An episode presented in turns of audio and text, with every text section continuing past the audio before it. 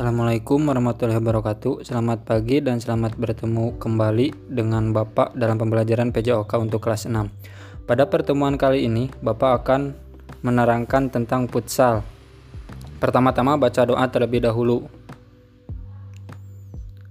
Baca doa selesai. Untuk memulai pembelajaran setelah itu Bapak akan menerangkan terlebih dahulu pengertian tentang futsal Futsal adalah olahraga bola yang dimainkan oleh dua tim yang masing-masing beranggotakan lima orang pemain. Tujuan olahraga futsal adalah memasukkan bola ke gawang lawan dengan menggunakan kaki, kepala, dan semua bagian tubuh kecuali tangan. Tidak seperti sepak bola, olahraga futsal dimainkan di ruang tertutup dan di tempat yang rata dengan ukuran lapangan yang lebih kecil dan jumlah pemain yang lebih sedikit dari sepak bola. Juga lapangan futsal dibatasi oleh garis bukan net atau dengan sebuah papan. Setelah Bapak menjelaskan tentang pengertian futsal, selanjutnya Bapak akan menjelaskan dan nanti mempraktekkan teknik dasar futsal. Yang pertama, passing atau pengumpan. Umpanan dapat dilakukan dengan menggunakan beragam sisi kaki, yaitu menggunakan kaki bagian dalam, kaki bagian luar, ujung kaki, atau sisi bawah. Namun yang paling baik adalah menggunakan kaki bagian dalam dengan arah mendatar atau umpanan panjang yang menyusur tanah karena umpanan akan memiliki akurasi paling baik jika dibandingkan dengan lainnya.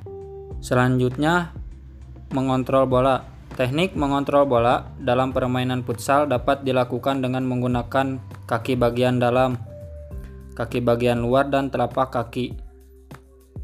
Sebelah depan dengan memanfaatkan sol sepatu. Teknik mengontrol bola dengan sol sepatu dalam futsal sangat penting sehingga harus dikuasai oleh setiap pemain. Terus yang ketiga dribbling atau menggiring. Untuk mengecoh pemain lawan dalam sebuah permainan futsal, seorang pemain futsal harus memiliki kemampuan dalam menggiring bola. Ada beberapa teknik dalam menggiring bola yang harus dikuasai dalam bermain futsal. Yang pertama itu ada dribbling menggunakan kaki bagian luar. Dengan teknik ini, jika menggunakan kaki kanan, pemain futsal dapat mengecoh ke sebelah kiri lawan atau sebaliknya. Yang kedua, dribbling menggunakan kaki bagian dalam. Dengan teknik ini, pemain futsal dapat mengecoh lawan ke sebelah kanan lawan apabila menggunakan kaki kanan atau sebaliknya. Akan tetapi, teknik ini tidak dapat mengecoh lawan ke sebelah kiri bila menggunakan kaki kanan.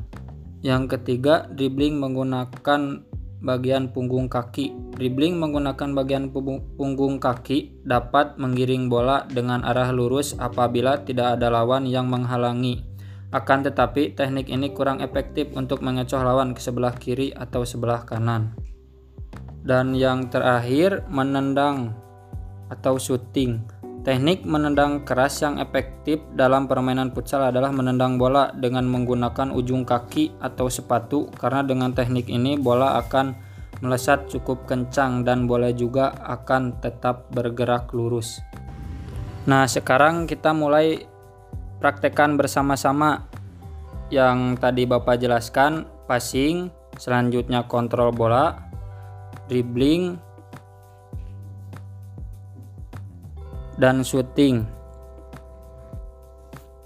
Jika sudah dilakukan bersamaan, maka pembelajaran hari ini telah selesai tentang latihan dasar futsal. Selebihnya, kalian bisa melakukan pembelajaran yang barusan dilakukan dan diberikan oleh Bapak dipraktekkan di rumah dan minggu depan akan Bapak tes kembali mengenai teknik dasar futsal.